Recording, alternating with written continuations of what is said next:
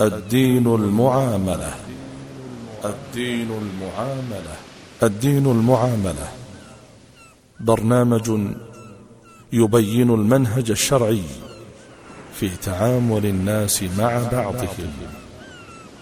البرنامج من إعداد وتقديم الشيخ الدكتور عبد العزيز بن فوزان الفوزان. البرنامج من تنفيذ جمعان الجمعان. بسم الله الرحمن الرحيم. الحمد لله رب العالمين والصلاة والسلام على عبده ورسوله نبينا محمد وعلى آله وصحبه أجمعين. أحبة الكرام سلام الله عليكم ورحمته وبركاته.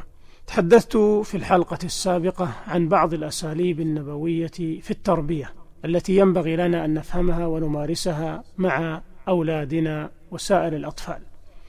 من هذه الأساليب التربية بالحب. إن الحاجة إلى الحب والعطف والحنان والشعور بالأمن والسلام من أعظم الحاجات النفسية لدى الأطفال وتوفيرها لهم من أكبر أسباب سعادتهم وصلاحهم ومحبتهم لوالديهم وأسرتهم ومجتمعهم وهي شرط أساس لسلامة نشأتهم وحسن تربيتهم واعتدال مزاجهم وثقتهم بأنفسهم ونجاحهم في حياتهم الشخصية والاجتماعية وضمان صحتهم النفسية والعقلية. وما أجمل أن يسمع الولد من والديه كلمات الحب والثناء وعبارات التشجيع والتقدير والدعاء وإشعاره بما يؤملونه منه من التفوق والنجاح والبر والصلة ونفع الإسلام والمسلمين. قال البراء بن عازب رضي الله عنه رأيت النبي صلى الله عليه وسلم والحسن بن علي على عاتقه يقول اللهم إني أحبه فأحبه. رواه الإمام مسلم.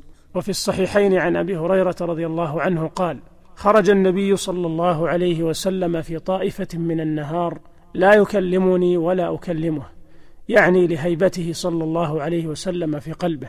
حتى أتى النبي صلى الله عليه وسلم سوق بني قينقاع وكان قريبا من هذا السوق بيت فاطمة رضي الله عنها وعن زوجها وأولادها. فجلس النبي صلى الله عليه وسلم بفناء فاطمة وقال لها أثم لكع أثم لكع.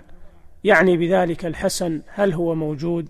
ولكع في الأصل بمعنى اللئيم وقد تطلق على الطفل وعلى الذي لا يحسن تصريف أموره والمقصود بها المداعبة والاستملاح للحسن رضي الله عنه. قال أبو هريرة رضي الله عنه فحبسته شيئا أي أخرت المجيء بولدها. فظننتها تلبسه سخابا أو تغسله والسخاب كما قال بعض الشراح هو قلادة من طيب كانت تلبس للصبيان ذكورهم وإناثهم وقيل هي من الخرز. فالمهم أنها قلادة توضع للصبي لتجميله وتطيب رائحته. ثم دفعته إلى رسول الله صلى الله عليه وسلم فجاء يشتد أي يركض مسرعا فعانقه الرسول صلى الله عليه وسلم وقبله.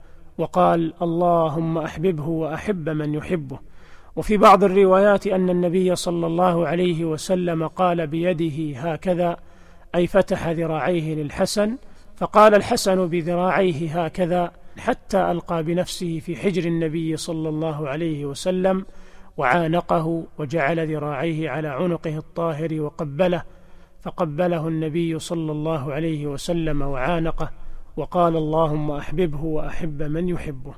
وعن أسامة بن زيد رضي الله عنهما كان رسول الله صلى الله عليه وسلم يأخذني فيقعدني على فخذه ويقعد الحسن على فخذه الأخرى ثم يضمهما ويقول اللهم إني أحبهما فأحبهما. رواه الإمام البخاري. وهذه المحبة هي مصدر الأمن النفسي للولد. كما أنها القاعدة الصلبة لبناء شخصيته على الاستقامة والصلاح والثقة بنفسه والتفاعل الإيجابي مع مجتمعه من حوله.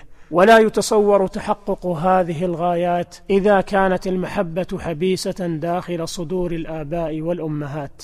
نعم هي موجودة وقوية وقد فطر عليها الأبوان لكن بعض الآباء والأمهات لا يظهرونها لأولادهم ولا يعبرون عنها قولا أو فعلا مما يشعر الولد بالفقر العاطفي والجفاف الوجداني ويضعف جسور الارتباط بين الولد وأسرته. ويفوت على الطرفين الاستمتاع بهذه العاطفة الرائعة. ولئن كان بعض الناس يرى أن وسائل التعبير عن الحب للأولاد مقصورة على كلمة الحب أو ضمة الحب أو قبلة الحب أو بسمة الحب أو لقمة الحب إلا أن علماء النفس يذكرون وسائل أخرى لا تقل عنها أهمية وهي مؤثرة وجيدة التوصيل لرسائل الحب من الآباء والأمهات لفلذات أكبادهم.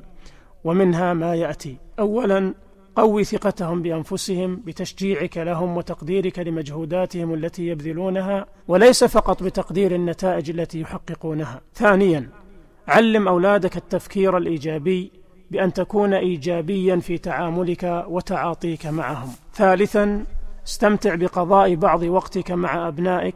كل على حدة.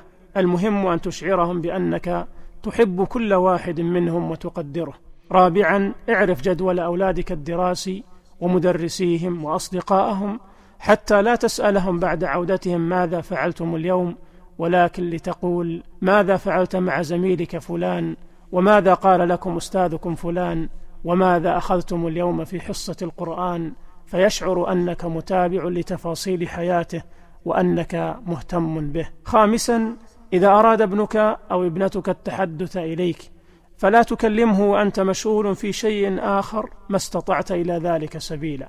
ولكن أعطه كل تركيزك وانظر في عينيه وهو يحدثك واعلم أن انتباهك الواضح لطفلك حين يحدثك إبداع جديد مضاف لرصيدك في بنك الحب لديه كما أن هذا سيشعره بالحب والثقة بنفسه وأيضا يعوده على احترام من يحدثه بعد ذلك. سادسا اجلس مع أولادك على مائدة الطعام وكل معهم ولا تسمعهم فقط ولكن حدثهم وآنسهم بشيء مما حدث لك أو قصة تعجبهم ويستفيدون منها. سابعا حفزهم بأن تبرز أعمالهم المتميزة في لوحة بارزة في مكان بارز. ثامنا تجاهل كل أخطاء الماضي فكل يوم جديد يحمل معه فرصة جديدة يمكن أن تدعم حبك لأولادك أكثر من ذي قبل وتساعدك على اكتشاف مواهبهم. تاسعا أشعر أولادك بحبك لهم كل يوم فمهما كثر ذلك فإنهم يحتاجونه صغارا كانوا أو بالغين أو حتى متزوجين. عاشرا استشر أولادك وقدر مشاعرهم واعف عن هفواتهم وأخطائهم واعتذر لهم إن أخطأت معهم أو قسوت عليهم وعودهم على الاعتذار والتوبة من الخطأ. ما أسهل أن نحطم جدار الصمت وأن نعبر الحواجز ليتم التواصل الرائع بيننا وبين أولادنا ويصير الحب متبادلا بين جميع أفراد الأسرة. ومن الأساليب النبوية في التربية التربية بالثناء على الطفل وإشعاره بقيمته وأهمية ما لديه من مواهب وقدرات. من المعلوم أن كثيرا من الأطفال عندما يخطئون فإنهم ينتظرون العتاب أو العقاب من آبائهم وأمهاتهم. ولكن القليل من هؤلاء من يقدم له الشكر والثناء عندما يقوم بعمل طيب أو يكافأ من قبل والديه على ذلك بالدعاء له أو منحه هدية مناسبة أو تمكينه من شيء يتطلع إليه. قال ابن عباس رضي الله عنهما ضمني رسول الله صلى الله عليه وسلم إلى صدره وقال اللهم علمه الكتاب رواه البخاري. وفي رواية أن النبي صلى الله عليه وسلم أتى الخلاء فوضعت له وضوءا فلما خرج قال من وضع هذا؟ فأخبر فقال اللهم فقهه في الدين. وفي رواية للترمذي اللهم علمه الحكمة. وفي رواية أخرى اللهم فقهه في الدين وعلمه التأويل. فكانت دعوة من أعظم الدعوات المباركة في حياة ابن عباس رضي الله عنهما. لم يدع له بالتمكين في الأرض ولا بالصحة في الجسم ولا غيرها من الأمور الدنيوية بل دعا له بشيء أعظم وأجل بأن يجعله الله فقيها حكيما معلما مفهما وأن يعلمه الله تعالى الحكمة وتأويل الكتاب. وها هو أيضا يدعو لخادمه الملازم له عشر سنين أنس بن مالك رضي الله عنه هذه الدعوة المباركة الجامعة. اللهم أكثر ماله وولده وبارك له فيما أعطيته. رواه الإمام البخاري والإمام مسلم. وقد جاء عن أنس بن مالك رضي الله عنه أن رسول الله صلى الله عليه وسلم مر على غلمان فسلم عليهم. رواه الإمام مسلم. وكذلك استشارته وأخذ رأيه وتوليته مسؤوليات تتناسب مع سنه وقدراته. فعن أنس رضي الله عنه قال أتى علي رسول الله صلى الله عليه وسلم وأنا ألعب مع الغلمان. قال فسلم علينا فبعثني إلى حاجة فأبطأت على أمي. فلما جئت قالت ما حبسك؟ قلت بعثني رسول الله صلى الله عليه وسلم لحاجة. قالت ما حاجته؟ قلت إنها سر. قالت لا تحدثن بسر رسول الله صلى الله عليه وسلم أحدا. رواه الإمام مسلم. وفي رواية عن أنس أيضا قال انتهى إلينا رسول الله صلى الله عليه وسلم وأنا غلام في الغلمان فسلم علينا. ثم أخذ بيدي فأرسلني برسالة وقعد في ظل جدار حتى رجعت إليه. رواه أبو داود. كما أنه صلى الله عليه وسلم يربي هؤلاء الأطفال على احترام الكبار وحسن التعامل معهم ومبادرتهم بالسلام والاحترام. فقد قال صلى الله عليه وسلم يسلم الصغير على الكبير والمار على القاعد والقليل على الكثير رواه البخاري. وهذا كما أنه تقدير للكبار وتواضع لهم فهو مما يقوي شخصية الطفل ويربي فيه الشجاعة الأدبية ويشعره بمكانته في المجتمع وأنه أهل للتعامل مع الكبار وتبادل السلام والتحايا معهم وهو محل إعجابهم وتقديرهم ولهذا فإنهم يردون عليه التحية بمثلها أو أحسن منها. أسأل الله تعالى أن يصلح أولاد المسلمين وأن ينبتهم نباتا حسنا. ربنا هب لنا من أزواجنا وذرياتنا قرة أعين واجعلنا للمتقين إماما. وللحديث صلة في الحلقة القادمة بإذن الله. أستودعكم الله الذي لا تضيع ودائعه. والسلام عليكم ورحمة الله وبركاته.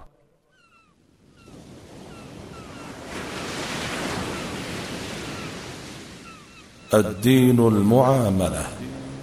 الدين المعاملة. الدين المعاملة.